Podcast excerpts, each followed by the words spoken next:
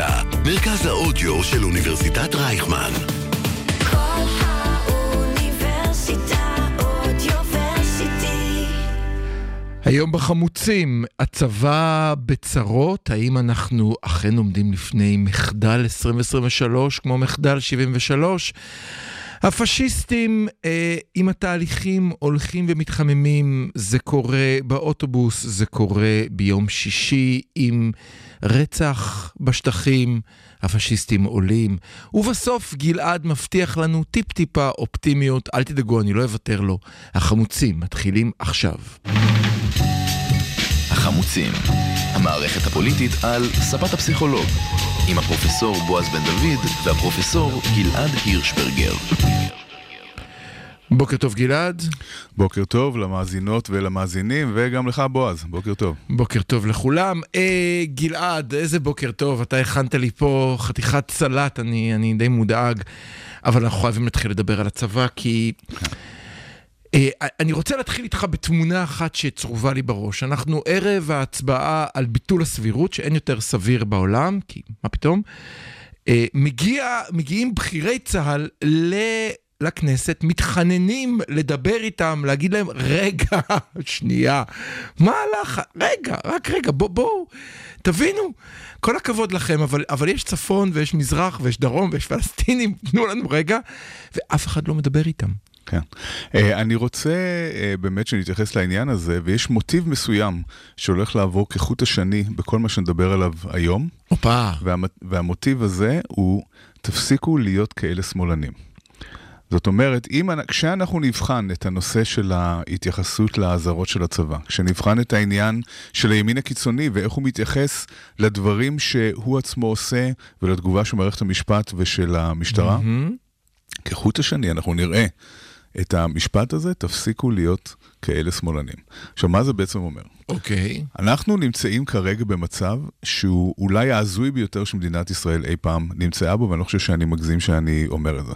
זאת הפעם הראשונה שיש מרד כל כך גדול בצבא, שמעולם לא היה שום דבר שדומה לו. נכון. אפשר רק לחשוב על... אה, אה, זה מזכיר קצת את טורקיה אולי, ואנחנו נחזור לדוגמה הטורקית אוי, תיזהר, מבחינת... תיזהר מהדוגמה הטורקית, לא, אבל יש, אוקיי. כאן, יש כאן הרבה מקבילות, תכף אנחנו נדבר על, אוקיי. ה, על העניין הזה. טוב. אה, וגם המרד הזה מגיע ממש מהמיינסטרים של המיינסטרים של הצבא.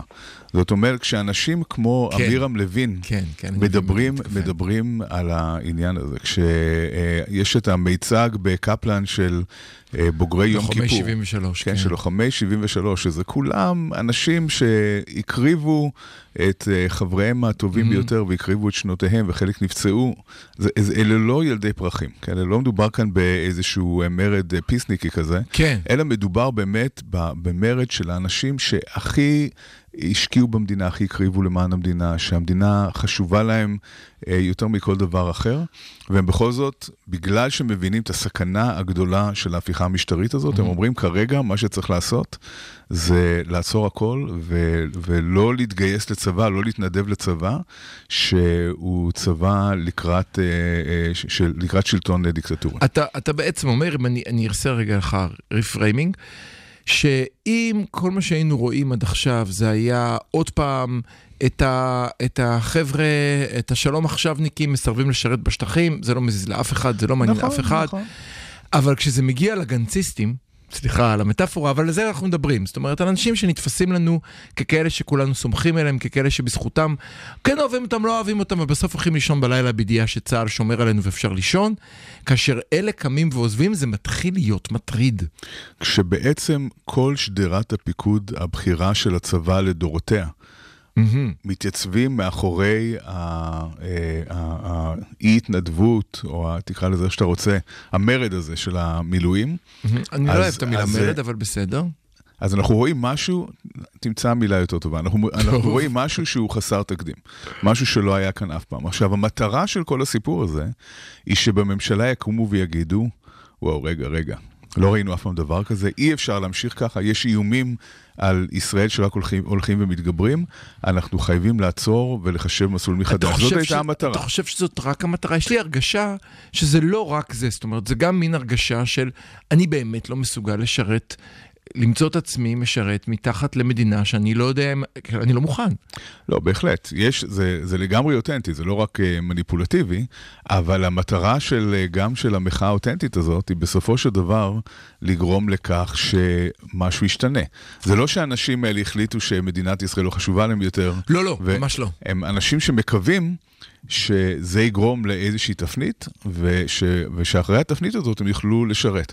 אתה יודע, אמר לי אה, אה, מישהו שעוסק בטיס, הוא לא היה טייס בעצמו, אבל שהוא טס, הוא אומר, אני הכי מעריך את המחאה של הטייסים.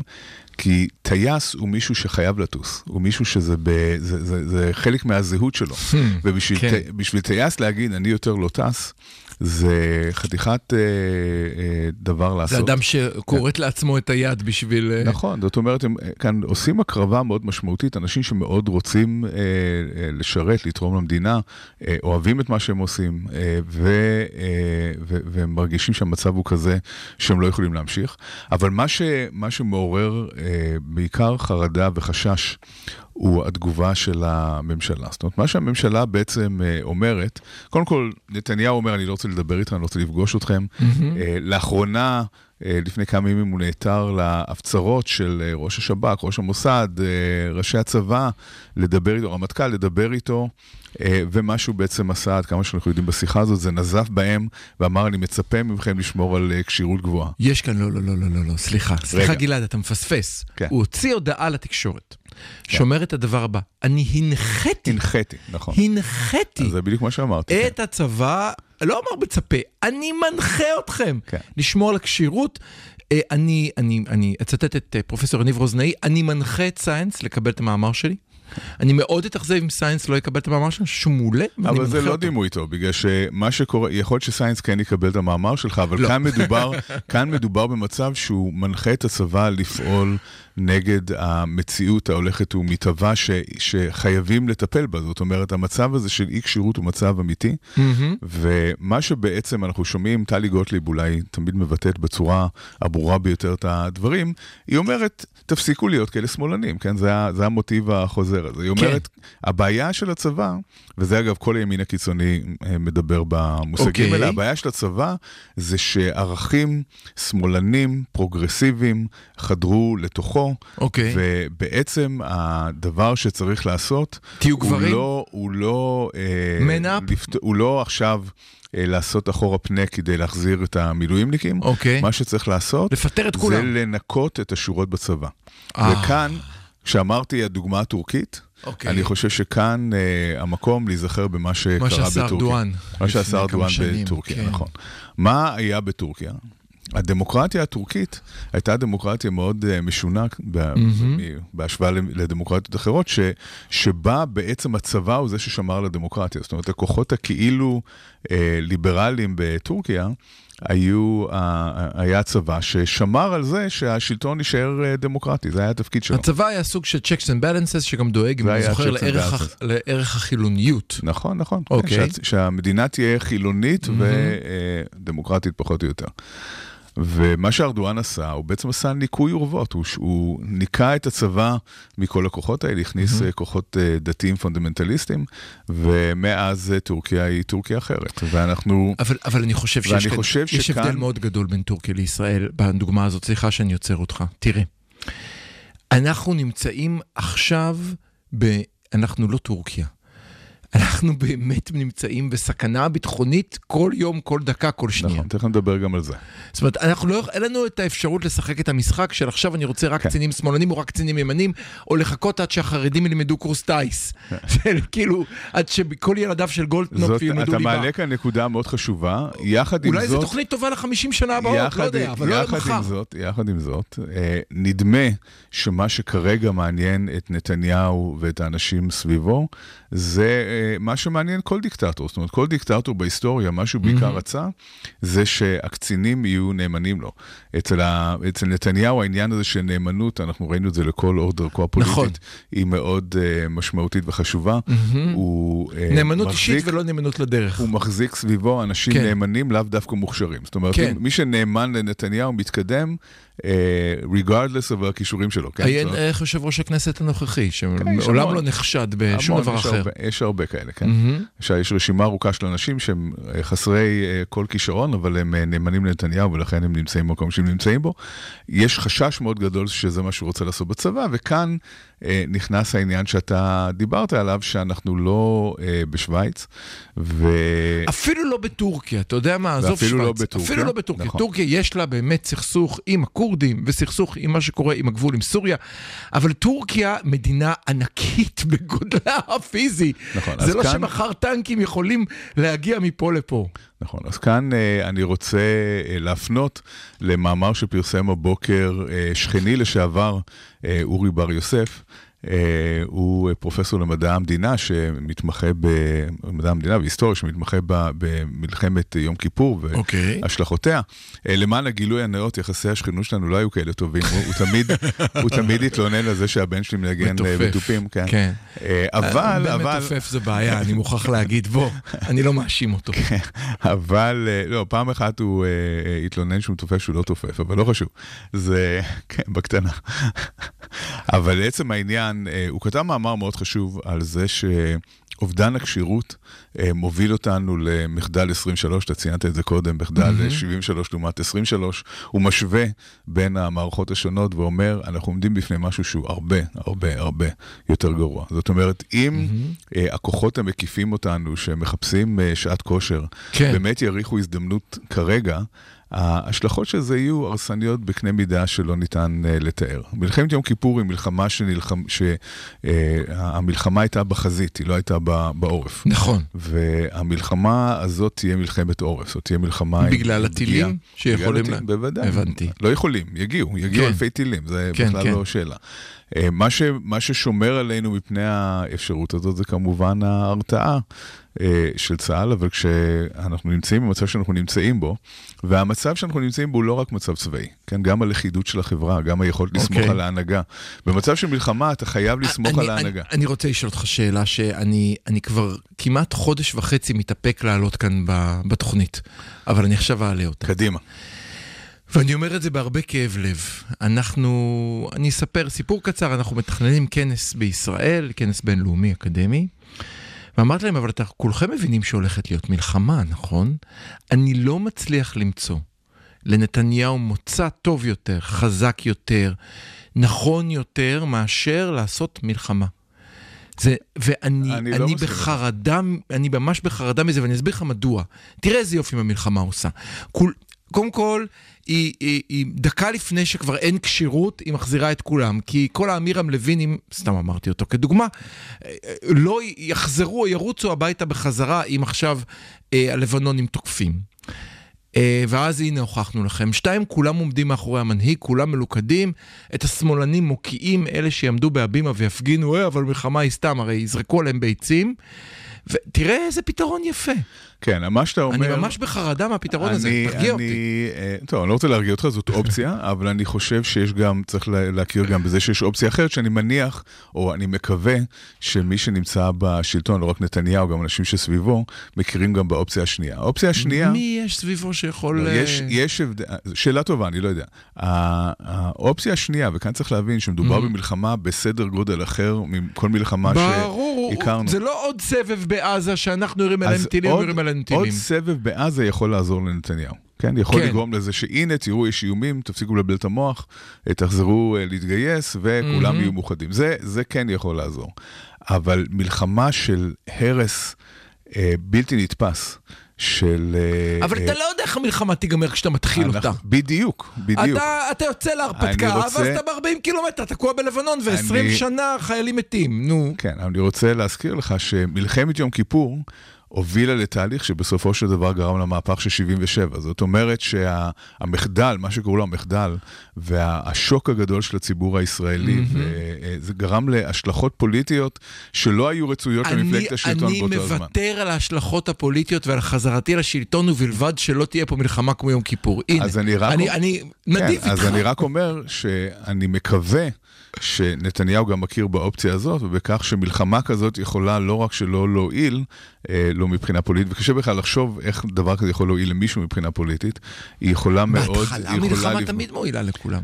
בהתחלה, אבל זה סוג אחר של מלחמה. בקיצור, אני, אני לא חושב שזה כזה אה, מהלך אה, פוליטי מבריק אה, להתכונן למלחמה מהסוג הזה. אני לא אמרתי שזה מהלך פוליטי מבריק לצאת למלחמה, ההפך, אני רק חושש מאוד שזה סוג של דאוס אקס מכינה שפותר את כל הבעיות. אין יותר ריבים בעם, אין סכסוכים, אין הפגנות בקפלן, אין הצקות, אין, אה, לא מפריעים לו בנופש, כולנו מאוחדים כי יש מלחמה ויש אויב בחוץ. כן, הוא תמיד שוב, השתמש בטריק אני הזה. חושב שאולי איפה אתה- האיראנים נעלמו? אולי אתה לא אה, מספיק אה, מדמיין איך מלחמה כזאת תיראה כשאתה מדבר על נופש ועל הפגנות. אנחנו מדברים כאן על משהו אני- בסדר גודל אחר. אני מבין ולכן אני חושש, זו הסיבה של כן, החששים. אז אני, אז אני חושש, אני חושב שלחשוב שמלחמה כזאת תועיל פוליטית, אה, אין, אין לזה הרבה אה, ביסוס. אבל מה, ש, מה שברור זה שאנחנו נמצאים במצב של אה, התפרקות של הצבא, התפרקות של החברה.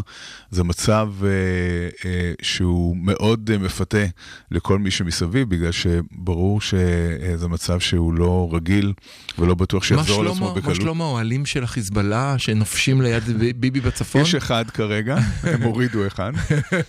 כן, הם בנופש, כמו נתניהו ואשתו, עם כן. היד הנעלמה, אם אתה זוכר. כן, אה, לא, זה בהחלט אה, מצב אה, אה, מדאיג. וכאן, אתה יודע, תמיד השאלה היא מי, איך הציבור יראה את הדברים. האם הוא יתפוס את זה בתור מחדל של הממשלה הנוכחית שגרם למלחמה, או כמו שהממשלה מנסה לפמפם כל הזמן, זה. תפסיקו להיות שמאלנים, זה בגלל שהצבא שמאלני. השמאלנים. זה בגלל שהשמאלנים לא תקשיב, מתגייסים אני, למילואים. אני רוצה להמשיך את הקו שלך של אל תהיו כאלה שמאלנים. אני חושב שקורה כאן, במסגרת הקווים שנחצים כל יום בשביל שלא ישעמם לנו, אמרת את זה פעם, זה סוג של אסטרטגיה, כל יום לחצות קו אדום ואז אתה לא יכול להסתכל על הכדור, כי אתה כל פעם רואה את הקווים האדומים שנחצים.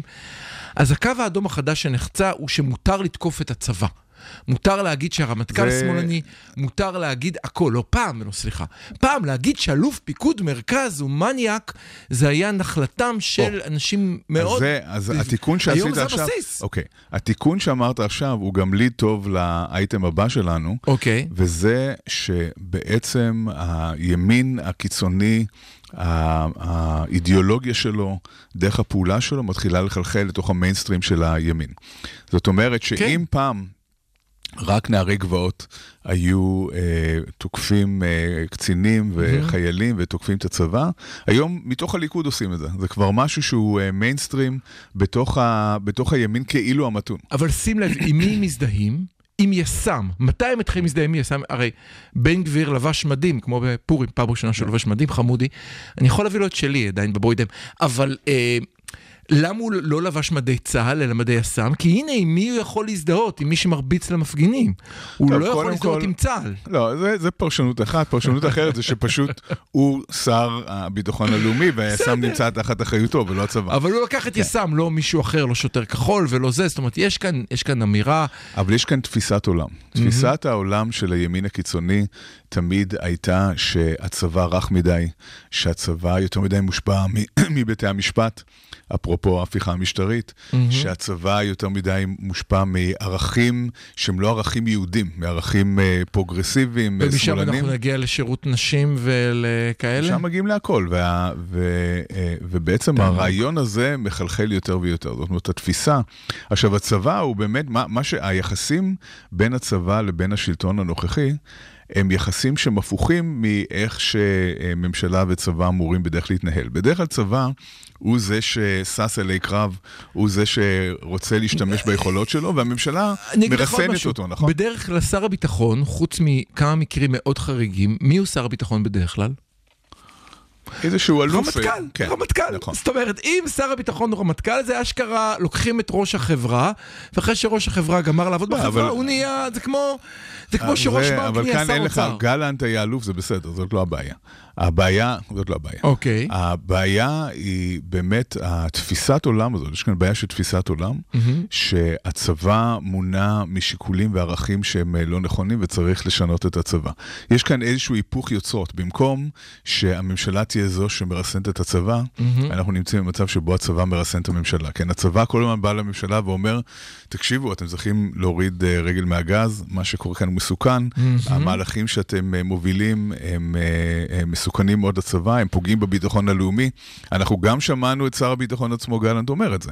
כן, ב- בליל ה-25. פעם אחת ומאז דג. הוא אמר, מדינת ישראל כן. נמצאת בסכנה. כן, מאז הוא דג. אמר את זה. כן. אבל לא, גם לפני כמה ימים, כל ראשי מערכת הביטחון. אנחנו מדברים על שב"כ, כן. מוסד, אה, צה"ל. לא יצאו בסוף כולם- בהצהרה משותפת. הם לא יצאו בהצהרה פומבית, הם אבל הודיעו זה- שהם יצאו אבל בהצהרה משותפת. אבל זה דלה, הם דאגו לזה שזה אוקיי. יגיע לתקשורת, הם מבינים שהציבור הישראלי לא מבין עד הסוף את מה שקורה כאן. יש כאן משבר עצום, מימדים שאף אחד לא מבין אה, עד כמה הוא גדול, והממשלה בוחרת להתעלם מזה. הממשלה, נתניהו בכלל, מה שהוא הוא עושה, הוא הולך כאן על חבל דק מאוד. הוא אה, משחק אה, צ'יקן, הוא הולך עם זה עד הסוף, הוא משחק כאן פוקר על מדינת ישראל, וצריך להגיד את זה, כן, כן. הוא מסכן מדינה שלמה בשביל אני מת- המהלך הפוליטי הזה שלו. אנחנו צריכים לעבור לחלק הבא, אבל אני רוצה לזרוק כאן אפשרות שזה לא רק משחק צ'יקן, כמו שאתה אומר. אה, אלא שהוא הוא לגמרי איבד את זה. אני- זאת גם אפשרות, אני, נכון. אני, אני חושב שיש כאן, אני לא בטוח שהוא איבד את זה, אני חלילה לא רוצה לעשות הבחנה, אלא שיש כאן התעלמות מהמציאות. שמאפשרת לעשות דברים והתעלמות מהמציאות שלו ושל כל מי שמסביבו, מתוך אמונה שערוץ 14 משקף את המציאות. התעלמות מהמציאות היא ההגדרה של פסיכוזה, כן? אז אנחנו... אני נזהר אנחנו מהגדרות. לא, בסדר, אני רק אומר. אני רק אומר, אנחנו, אה, אנחנו צריכים להכיר בזה.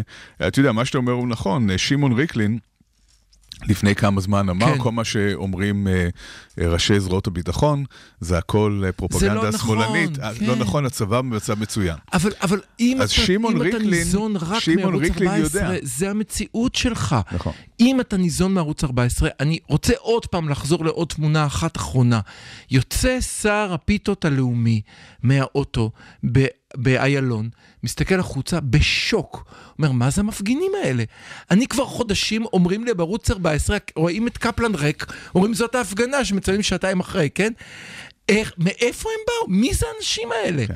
אני חושב שכשאתה נמצא בחוסר ראייה של המציאות, זה יכול לאפשר לך להתקדם אגב, קדימה, זה, ואני זו בדאגה. אחת הבעיות של קפלן גם. אה, לפני אה, כמה ימים, אה, קרובת משפחה שלא נציין את אה, שמה, שנמצאת בצד הימני יותר של המפה הפוליטית, אה, אמרה לאשתי, מה ההפגנות האלה? זה בסך הכל מסיבה שאתם הולכים אליה. כן? זאת אומרת, אה, חוסר, קודם כל הזלזול כמובן הבוטה, ודבר שני, חוסר ההבנה שיש כאן אנשים שנלחמים על החיים שלהם בכל מובן אה, אפשרי, אה, וממש לא מסיבה, הוא... הרצון שלהם לראות את הדברים באופן שעוזר להם, שמשרת את המטרות שלהם, הוא מאוד גדול, גם לגבי הגודל של ההפגנות, גם לגבי המשמעות של ההפגנות. אה, ולכן ההפגנות עצמן, אה, יש להם מקום, אבל זה לא מספיק, צריך הרבה יותר מזה. אנחנו חייבים לעצור כאן ולעבור לשיר. אני אה, אחרוג ממנהגי, זה שיר חדש שממש הוציא עכשיו עברי לידר, אה, והראשון בעצם, שיר הראשון שהוא שיר אה, פופול, פופולרי, של זמר פופולרי שיכול להיות מושמע ברדיו. אולי, שמדבר על המחאה, ילד שומע את אבא צועק דמוקרטיה על גשר בעיר, מסביב עוד המון אנשים שהוא לא מכיר. ילד מחזיק את היד שלי, ביד השנייה יש לו דגל כחול ולבן, זה הבית, וזו משפחה, החיים שלו כאן, אני אגיע לסוף. ילד שומע את אבא בוכה באמבטיה, כי אין לו מילים להסביר למה מישהו אמר לך ככה דברים. ילד רואה בעיניים שלי שאין לו, אין לי מה להפסיד, זה הבית, זו משפחה, שום דבר לא יפחיד. אולי קצת קיצ'י, אבל אה, במקום. כל האוניברסיטה אודיוורסיטי. כל האוניברסיטה, מרכז האודיו של אוניברסיטת רייכמן. החמוצים, המערכת הפוליטית על ספת הפסיכולוג, עם הפרופסור בועז בן דוד והפרופסור גלעד הירשברגר. אז תודה רבה שחזרתם וחזרתן אלינו לחלק השני, אני עכשיו במיוחד על החזרתן. אה, המים כבר רותחים, זה כבר לא רק שמחממים אותם, אה, וכמו תמיד, כאשר מי שלמעלה אומר מותר, אז כל השלמטה אומרים קדימה.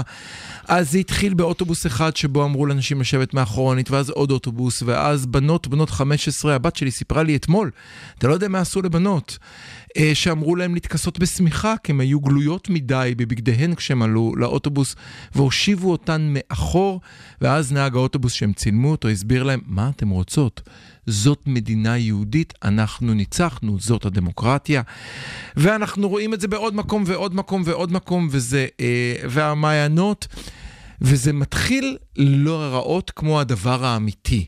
כבר לא הפריוויו של הדבר האמיתי, אלא הדבר האמיתי, וזה, וזה פה. ואז אה, ביום שישי, מזל שלא שידרנו שבוע שעבר, כי הייתי עצבני מדי, טוב שחיכינו שבוע. אותו, רצ... אותו פיגוע טרור, בוא נקרא לזה בשמו, פיגוע טרור ביום שישי של יהודים. אז בוא, היה- אני רוצה לעצור את, פשוט- את השטף שלך, אוף. ולעשות קצת זום אאוט ולעשות סדר בדברים.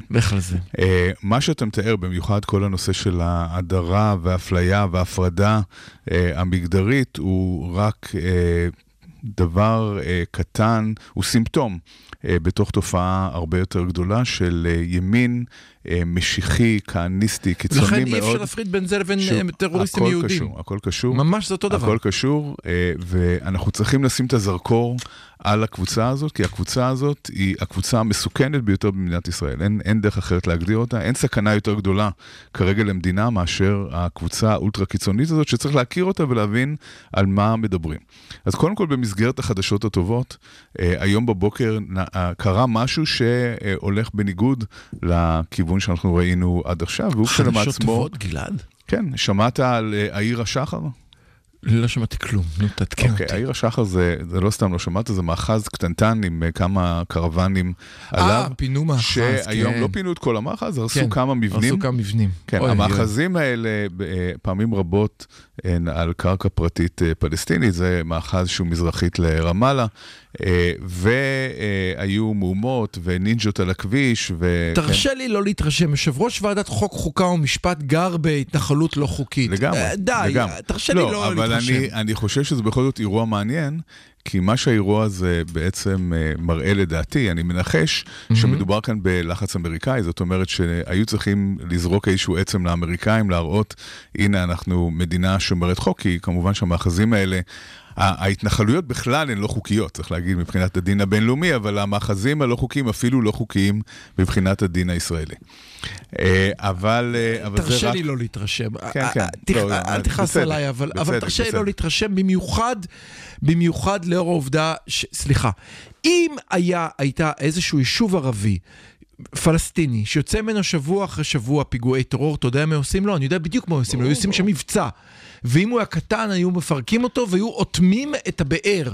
יש לנו יישוב עושים את זה במילא. שיוצאים ממנו בשבת עם כלי נשק לרצוח והכל בסדר. כן. טוב, תכף נדבר באמת על העניין. ההלכתי כאן, אבל בואו נכיר קצת את הדמויות. שמובילות את העניין הזה. אחד אני חושב שאחד הדברים שחשוב כאן להבין, זה שהקיצוניים שבקיצוניים נכנסו למיינסטרים הישראלי, נכנסו לתוך ממשלת ישראל, הם מכהנים בתפקידי שרים. ניקח למשל את אורית סטרוק, כן? אורית סטרוק, שרמוטה. שהיא- זוכרת שהיא- אותה אומרת את זה? זה לא היא, זה מישהי אחרת, אבל לא חשוב. אני מתבלבל? כן. אני אני אבדוק זה, מיד. כן, זה מישהי אחרת. אני אבל, אבדוק מיד. אבל היא הייתה, זה, זה מאותו, מאותה קבוצה, לא, זה לא, נכון. אני אוכיח לך שזאת היא, אני עכשיו לא, על זאת לא זה, זאת תמשיך. לא נו. אה, אורית סטרוק, שהיא שרת ההתיישבות והמשימות הלאומיות, כן, שיש לה אה, כספים רבים, אתה יודע מה הבן שלה עשה? צביקי? כן, אני חושב שהוא אה, את- אה, תפס מישהו, קבל אותו. צביקי, שזה שם ילד חמוד, מהמם. צביקי תפס אה, נער ערבי בן 15, הוא הוא הואשם ב- בכך שהוא אה, עינה אותו, נכון? אני צודק. טעיתי, כן. הוא הוא הואשם בזה שהוא אה, עינה אותו, ובסופו של דבר הנער הזה מת, אה, לא האשימו אותו ברצח. כן? הנער ש- מת בעקבות כל מת. הזאתי? כן. לא. האשימו אותו ברצח, יש גם איזה חיות אה, מסביב שהתעללו בהן, אה, גדיים, אני לא יודע מה. בסופו של דבר, כן, הוא, הוא, העונש היה קטן. ומה אורית סטרוק אמרה על זה? חינוך טוב. לא, היא אמרה שוב פעם, בית המשפט מאמין לערבים, ו, אה, ועל סמך העדויות שלהם... כמו הוא- שהיה בשבוע שעבר. אז מה? אמרתי שהעניין הזה שתפסיקו להיות שמאלנים ותפסיקו להאמין לערבים, זה אחד המוטיבים שהם עוברים מהצבא, זה לא במקרה, לא במקרה אנחנו רואים את המוטיב הזה, כן? שת, שתפסיקו להיות שמאלנים, תפסיקו להאמין בערבים, כן. בית המשפט הוא שמאלני והצבא הוא שמאלני, זאת הבעיה. הבעיה היא לא צביקי, כן? צביקי הוא ילד טוב, הוא לא עשה שום דבר לא בסדר. אז יש, יש עוד צביקי שצריך לדבר עליו, כן. צבי סוכות. אני, אני, רק, אתק- אני רק אתקן את מה שאמרתי, אני מתנצל בפני השרה, מדובר באמת ביפעת אלקובי, ולא בה. כן. נכון. היא- זה לא שהיא לא הייתה מעורבת, היא הצדיקה את זה, כן? כן. אבל, אבל זה, זה לא, זה במקרה. לא היא. כן. אה, יש את אה, צבי סוכות, או צביקי. כן, כן. אה, כל הצביקים הם אה, ממש אנשים מאוד נחמדים. צבי סוכות אה, הוא פעיל... לא שיש לנו משהו נגד צביקים, יש כאן צבי בקהל, אנחנו לא נגדך, לא, כן? אם, אם אתה לא נער גבעות. צביקי הוא, הוא, צבי סוכות הוא נער גבעות טיפוסי. כן. הוא מגיל 15 מעורב בכל כן. מיני דברים, צווי הרחקה מהשטחים כן. היו עליו, כל מיני כן. דברים. מהסוג. את גדי שמני הוא כן, סימן כמטרה, כשגדי שמני היה אלוף פיקוד המרכז. והנה שוב, חזרנו הצבא להתחלה, האויב. והנה חזרנו להתחלה. נכון. היום אה, אלה שיורים ברמטכ"ל נמצאים בתוך הממשלה, אז הם היו איזה קבוצה קטנה נכון, סהרורית שאמרת, לא יפה. נכון. אה, הוא נעצר בחשד שהוא הצית אה, מסגד.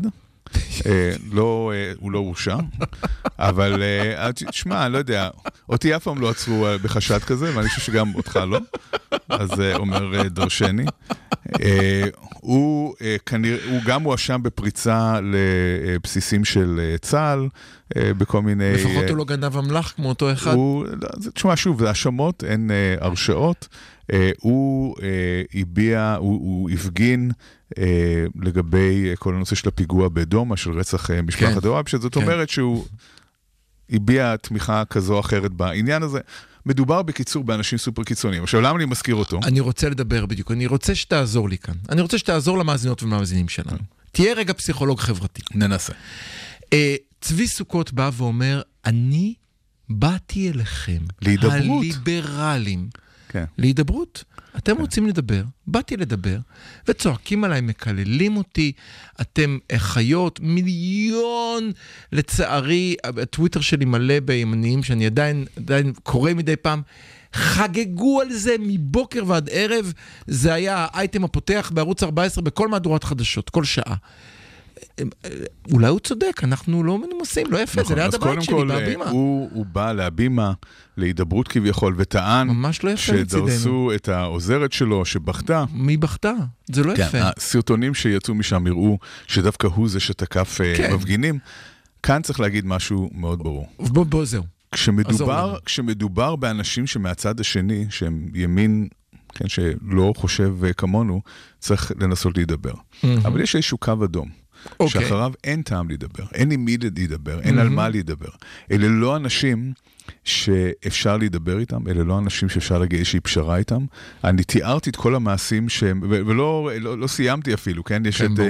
סון הר מלך שיצא סרטון של איך שהיא מחנכת את הבן שלה, שהיא שואלת אותו מה אתה רוצה שתהיה גדול, אז הוא כן. אמר אני רוצה לנסוע בג'יפ ולהרוג ערבים, והיא אומרת לו יופי. ואז כולם הסבירו לנו, אתם לא בסדר, מה אתם רוצים? זה לא ערבים, היא התכוונה לאלה שהרגו את אבא שלה, וזה בסדר לרצות... כן, גם כן. זה לא בסדר, אבל לא משנה. ככה, אני בטוח שכולנו מחנכים את הילדים שלנו. ברור, גם הילדה שלי יודעת להגיד את זה. יש בגרמניה אחרי המלחמה, הייתה אמירה כזאת במערכת החינוך שאומרת שאם בחדר יש נאצי ועשרה אנשים, כן. ואף אחד לא קם ועוזב את החדר, כן, יש יש 11 11 נאצים נאצים בחדר. בחדר. ואני חושב שככה צריך להתייחס לעניין של הימין הקיצוני. עם הימין הקיצוני אסור להידבר, אסור להראות שום סובלנות כלפי הקבוצה הזאת. אנחנו, חלק מהערכים הליברליים הם ערכים של סובלנות, וזה מאוד חשוב, וצריך להיות סובלניים כלפי כולם, עד נקודה מסוימת. יש נקודה שבה אי אפשר להיות סובלנים, וצריך פשוט אה, להילחם מלחמת חורמה נגד אה, אנשים שמהווים את האיום הגדול ביותר על החברה שלנו היום. אבל אין, למה? אין איום יותר אבל גדול. אתה...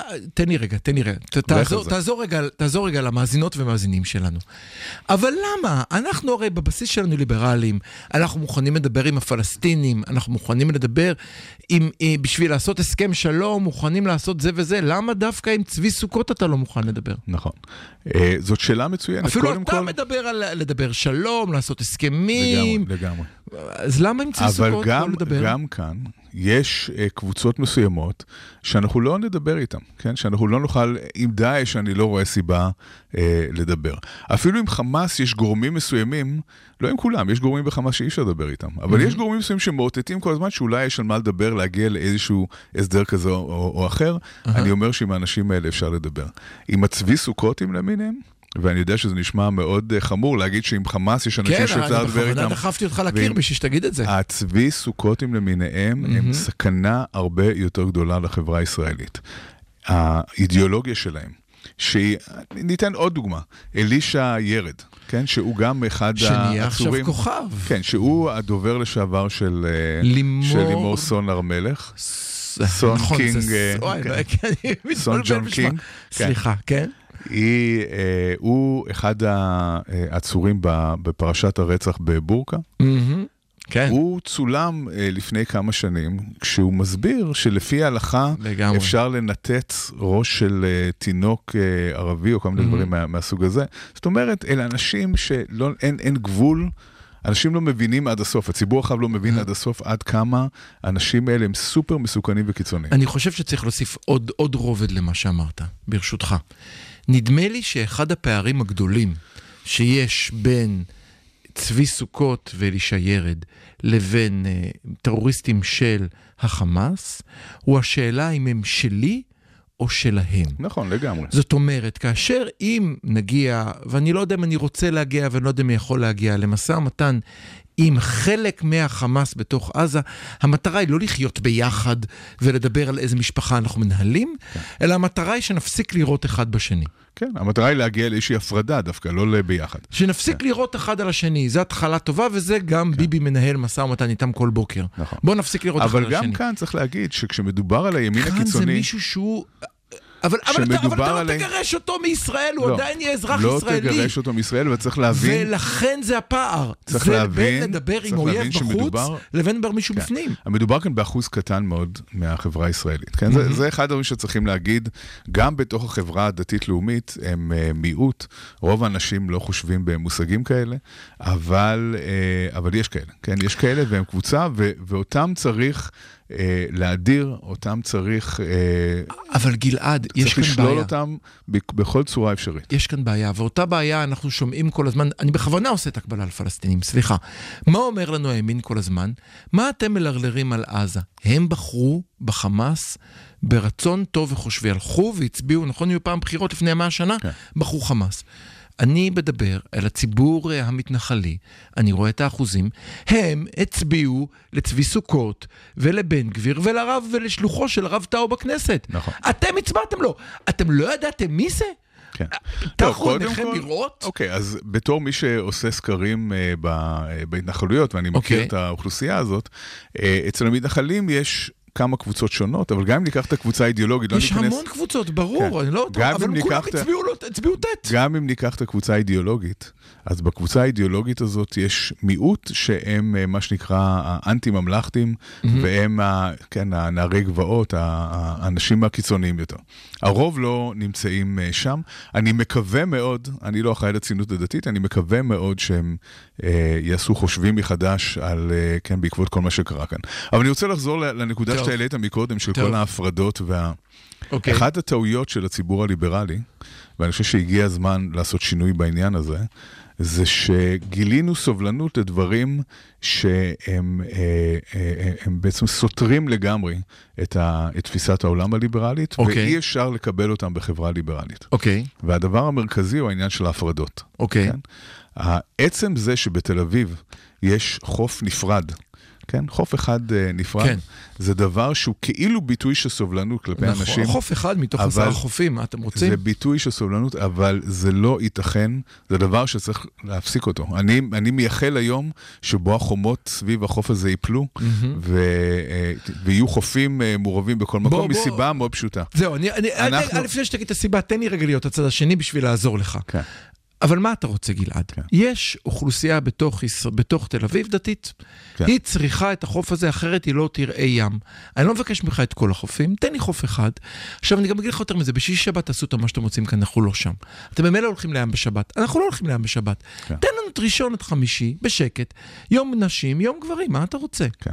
אני בהחלט מבין את הטיעון הזה, אבל כאן אני רוצה לטעון שהפרדה היא תמיד אפליה. אוקיי. אין דבר כזה הפרדה שהיא לא אפליה. אוקיי. ואני חושב שהדוגמה האמריקאית היא דוגמה שמסבירה את זה. ב- איך על זה? ה- ה- בארצות הברית במשך אה, עשרות שנים היה את העיקרון של separate but equal כן. לגבי שחורים. זאת נכון. אומרת, בית המשפט אה, קבע שזה בסדר גמור ששחורים ולבנים יהיו מופרדים, כן. כל עוד כולם מקבלים את, אה, את אותם הדברים. זאת כן. אומרת, אוקיי, אז יש מסעדה לשחורים ומסעדה ללבנים, כל עוד, אה, ה- כן, ה- עזוב אותך, יש אין בית הבדל. חולים בסנט לואיס, יש היו שני חולים- בתי חולים נפרדים, אתה זוכר. כל עוד ה- אחד ליהודים הרפואי- ושחורים, ושני היה ללבנים. כל עוד הטיפול הרפואי הוא שווה בשניהם, לא צריכה Mhm. להיות בעיה. עכשיו, אנשים יגידו, מה הקשר בין חופי רחצה לבין הדברים האלה? יש קשר. אוקיי. ושוב אנחנו חוזרים לאורית אה, סטרוק. אורית סטרוק היא בעד, אה, הייתה בעד תיקון אה, חוקי אפליה. כדי בדיוק להגיד את הדבר, ו- ולא רק היא, גם אה, רוטמן Mhm. ואחרים, הם בעצם אומרים, אה, צריך לאפשר לכל נגיד רופא, או בעל חנות, או כל אדם להחליט אה, במי הוא מוכן, מוכן לשרת או ל- לטפל. לטפל. כן.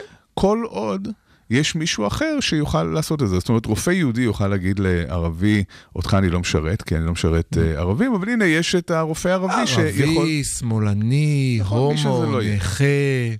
אין הפרדה שהיא לא אפליה, צריך, צריך לה, להבין את זה. זאת אומרת, ברגע, כשאומרים לבנות, אתם תשבו בחלק האחורי של האוטובוס ותכסו את עצמכם, זה לא סתם הפרדה, זאת הפרדה שהיא אפליה. זה פוגע בזכות שלהן לזהות, להיות מי שהן, זה פוגע בזכות שלהן להתנהג ולהתבטא ולהתלבש כפי שהן אה, רוצות, זה פוגע בזכות של ההורים שלהן אה, לחנך אותן באופן אה, ליברלי ו- ולא אה, להיות כפופים לכל מיני חוקים דתיים שהם לא מאמינים להם. אין הפרדה שהיא לא אפליה, לא יכולה להיות הפרדה. מי שרוצה אה, הפרדה, שלא יעמוד ליד בחורה, זה בסדר, זה, זה חוקי.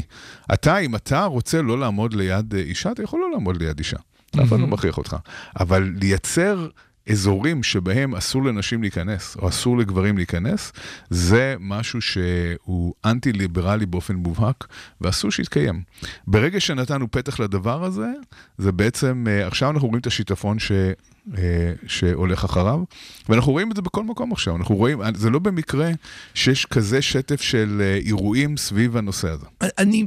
אני לא בטוח שאני מסכים איתך עם החוק הנפרד, אבל בהחלט עוררת בי מחשבה, אבל אני, אני רוצה דווקא לגעת בנקודה האחרונה שלך, ואז אנחנו חייבים לעצור.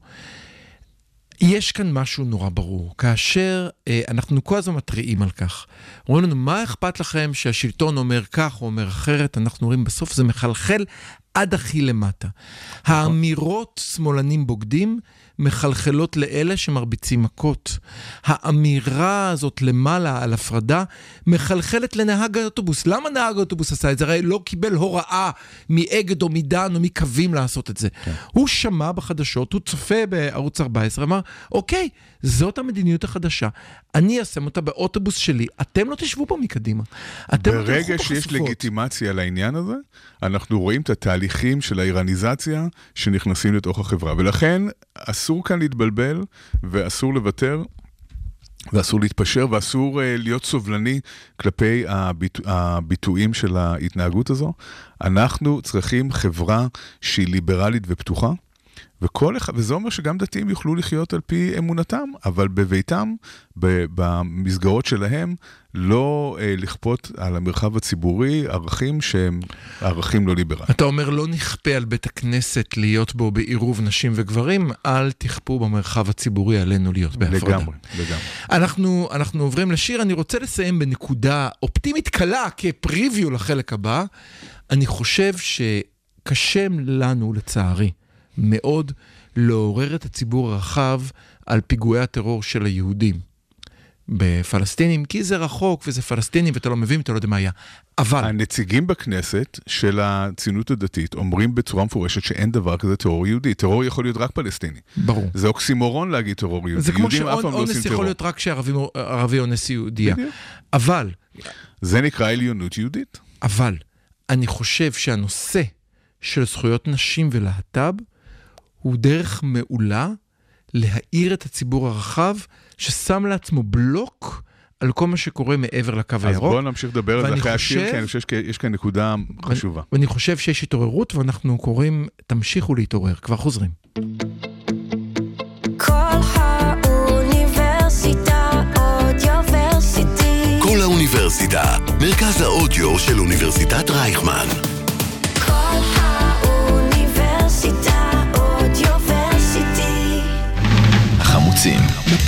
החמישי. המערכת הפוליטית על ספת הפסיכולוג, עם הפרופסור בועז בן דוד והפרופסור גלעד הירשברגר. אז אנחנו חמוצים, חזרנו אליכם.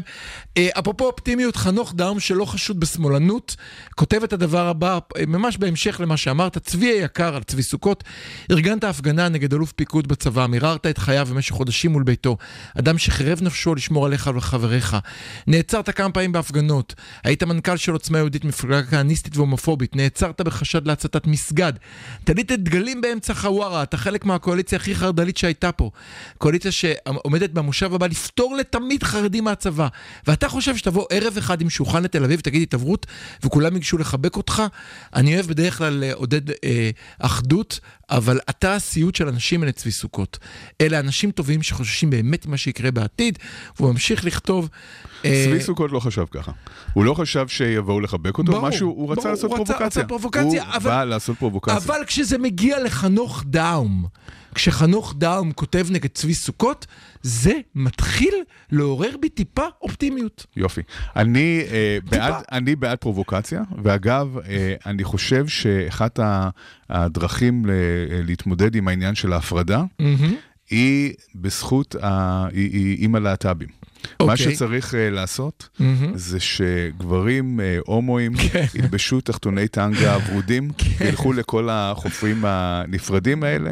Uh, צריך לאתגר אותם, כן, צריך לאתגר, צריך מה אני טרנסים במעיינות. כן. אה, כן, כל הדברים האלה הם אה, דברים שיכולים אה, אה, לאתגר את כל הרעיון הזה. שיבואו בדרג מלא, שיבואו בדרג מלא, סליחה, גבר, נכון? דרך- גבר יכול לבוא בדרג. הם טוענים שזה גבר. יום גבר, אם הם בבקשה. טוענים שזה גבר, אז- נכון. אז אין, נכון, יש שני מינים רק. בדיוק. אז אין שום בעיה. אה, אז, אז זה חלק מהעניין. אני, אני כן רוצה להתייחס אה, כאן לאיזושהי נקודה פסיכולוגית, אוקיי, שאנשים מעולה. יבינו את ההבחנה בין להיות אה, פטריוט שמזדהה עם המדינה שלו, לבין מי, להיות מישהו שמאדיר את הקבוצה שלו. אוקיי. ב- בפסיכולוגיה, ו- ומי שבאמת אה, עשה איזו עבודה אה, מאוד יפה, הוא אה, שני פרופסורים ישראלים שכבר לא נמצאים איתנו, חילי קלר וסוניה רוקס, אה, קלר מהעברית ורוקס מהאוניברסיטה הפתוחה, שהם בעצם פיתחו, הם המשיגו וגם אה, פיתחו מדד שעושה את ההבחנה בין מה שנקרא attachment לקבוצה, כן, התחברות לקבוצה, לגלוריפיקציה של הקבוצה, שזה הדרה של הקבוצה. אוקיי. ו-attachment וגלוריפיקציה קשורים להתנהגויות שונות לגמרי. זאת אומרת, אדם שיש לו attachment גבוה לקבוצה, שהוא אומר, אה, אני אה, ישראלי, כשאני חושב על ישראלים אחרים, מדבר במושגים של אנחנו ולא הם, כן. אומרת, אני מרגיש חלק מהקבוצה. האנשים כאלה הם אנשים שיכולים אה, בהחלט להתפשר עם קבוצות אחרות. הם אנשים שהם לא קיצוניים בהכרח בעמדות שלהם. כן. הם אנשים שיכולים מצד אחד לאהוב את הקבוצה שלהם, אבל מצד שני כן. להראות סובלנות ופתיחות. אוקיי. אנשים שאומרים, הקבוצה שלנו היא הם הכי הקבוצה הכי טובה טובה. בעולם. כן. אף אחד לא יכול... אין- אמריקה היא המקום הטוב ביותר אין ביקום. קבוצה יותר, אה, אין כן. עם יותר מוסרי מהעם היהודי. כן. אה, אנשים מהסוג הזה הם אנשים שהם אלימים יותר, הם אנשים שהם פשרנים פחות, כן. הם אנשים שתומכים בכל מיני תועבות אה, כאלה ואחרות, וההבחנה הזאת היא חשובה בגלל שזאת ההבחנה בין אה, הציבור הכללי הרחב הציוני, מהימין המתון ועד שגאה השמאל המתון. במדינה והולך עם דגל ישראל, נכון, לבין מי נכון, שזה- שבשם הדגל רוצה לשרוף שזה ילדים. רוב הציבור, רוב אוקיי. מוחלט של הציבור הישראלי, אוקיי. לבין קבוצת השוליים הזאת של אה, עליונות, עליונות יהודית. זאת אומרת, ההדרה זה בעצם עליונות יהודית. זה אלה אנשים שחושבים שליהודים מותר לעשות דברים שלאחרים אה, אסור לעשות.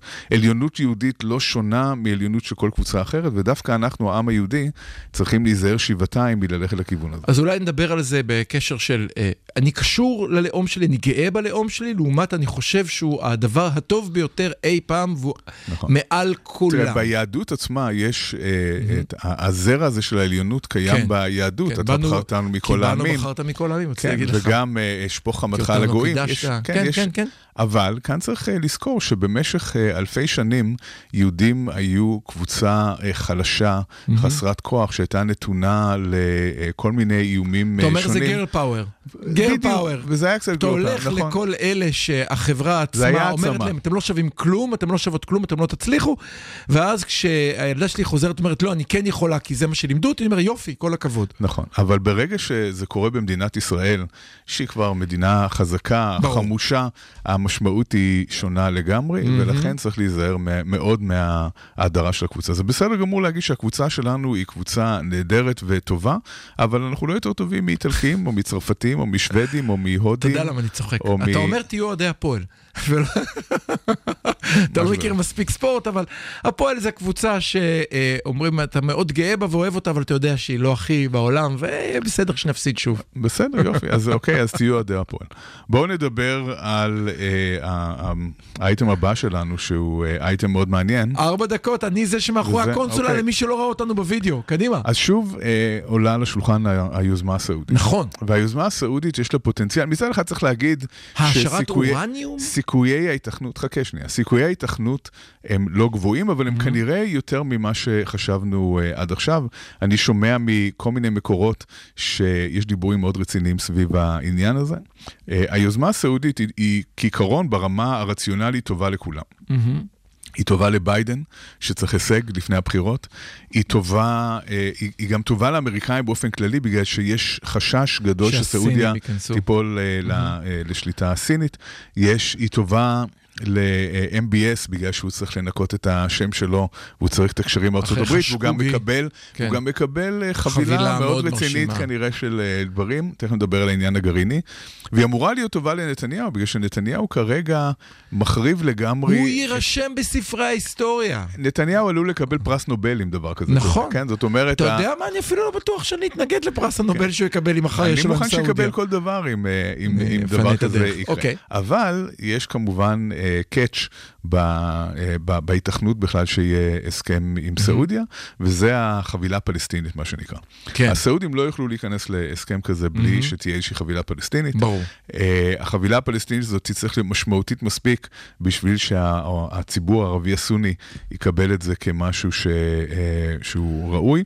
כאן צריך להגיד שאבו מאזן כבר הודיע. והוא הודיע משהו מאוד מעניין. אבו מאזן מעניין. תמיד התנגד לדברים האלה. נכון. אבל אבו מאזן אמר פעם אני לא מתנגד. הפעם אני רוצה למקסם את, ה, את האפשרות לקבל כמה שיותר מתוך היוזמה. לא. תקשיב, זה שינוי משמעותי. אם אבו כן. מאזן מתחיל להיות אה, פרגמטיסט, הוא, אה, הוא זה ממש פרגמטיות. שינוי. נכון. אוקיי. עכשיו, העניין הוא שאנחנו יודעים, בהמשך לאייטם הקודם, אין שום התכנות להתקדם ביוזמה הסעודית עם עם הממשלה... צבי סוכות. עם צבי סוכות, ועם אורית סטרוק, ועם אה, סמוטריץ' ועם כל החבורה הזאת. אין שום סיכוי, נכון? אז, אז זה אומר שיצטרכו להיות שינויים מאוד אה, משמעותיים. כרגע הסיכוי שכל זה יקרה, זאת אומרת, הסיכוי כרגע שנתניהו מעיף את הציונות הדתית, מכניס את גנץ ולפיד, שדיברנו בפרקים קודמים שזה מה שצריך לקרות בשביל להציל כן. את ישראל. אתה דיברת, הסיכוי, אני הקשבתי. כן, אוקיי. אני דיברתי. הסיכוי שדבר כזה יקרה הוא לא מאוד גדול, אבל זה ישנה את הכיוון שאנחנו הולכים אליו ב-180 מעלות. תהיה כאן פריחה אדירה, גם uh, מדינית וגם כלכלית, ומבחינה חברתית כן. העסק יסתדר, והצבא ישתקם. אבל אני חוזר למה הזדמנות, יש שאמרנו. כאן הזדמנות מטורפת. אבל דיברנו על זה שבוע שעבר. אה, אה, הכלכלה עברה מהפכה, יותר לא מתייחסים אל האדם הרציונלי בכלכלה, נכון? מפסיקים לחשוב שהאדם רק רוצה למקסם רווחים ולהוריד אה, הפסדים. אני חושב שגם בפוליטיקה אין, תיאוריית האדם הרציונלי כבר לא יכולה לעבוד. נכון. תראה, אז אם, אם אה, הרי יש אם כאן ביבי שאלה... היה אדם רציונלי, הוא היה מגיע לאיזה פשרה ומקבל עסקת, אה, עסקת נכון, אה, כאן- זה, ולא היה יושב בכלא, רוגל והכל היה אלפר, נורמלי. שאני בדרך כלל לא אוהב לצטט אותו, כתב אה, היום אה, בהארץ בדיוק על העניין הזה. הוא אמר, אה, אנחנו בעצם צריכים להתמודד עם האפשרות המאוד סבירה שנתניהו לגמרי לא כשיר כבר. כי אדם כשיר היה מבין שגם לטובתו האישית וגם לטובת המדינה, זה הכיוון הרצוי ברור. ללכת אליו. אבל אה, כן, אתה יודע, אם באמת הכל לא רציונלי, וגם כל האנשים מסביב לא רציונליים, אז... אה, אז מה שהתכוונו לסיים באופטימיות, אבל נסיים בדאגה עמוקה. אז אני אוסיף מילה אופטימיות, דקה לפני שאני מקריא את הקרדיטים. אז uh, אני חושב שהאופטימיות צריכה להיות בזה שנפגשנו ביחד באמצע אוגוסט, כשכולם בחופשות, והילדים משתגעים והחום נורא, ואמרו כבר אף אחד לא יגיע לקפלן ואף אחד לא יגיע להפגנות, ומאחר והמערך שלי נמצא בהפגנות, גם בפריפריה, אני יכול להגיד לך בהפגנות בקפלן ננוחם. שאנשים מגיעים וזה יותר מננוחם. זה אומר שהעם מתעורר והעם רואה, והוא לא יוותר, מקווה, ובזכות הכוח מקווה. הזה, זה הסיכוי היחיד שיש לנו. לנצח. אז אנחנו החמוצים, אנחנו נהיה פה גם שבוע הבא, יום שני 106.2 FM, שידור ישיר בשעה 10 בבוקר. חפשו החמוצים בכל מקום בו אתם צורכים את ההסכתים שלכם. בכל אפליקציה, תעשו לנו לייק, subscribe וכל הדברים האלה, זה עוזר לנו להיות מופצים. להתראות.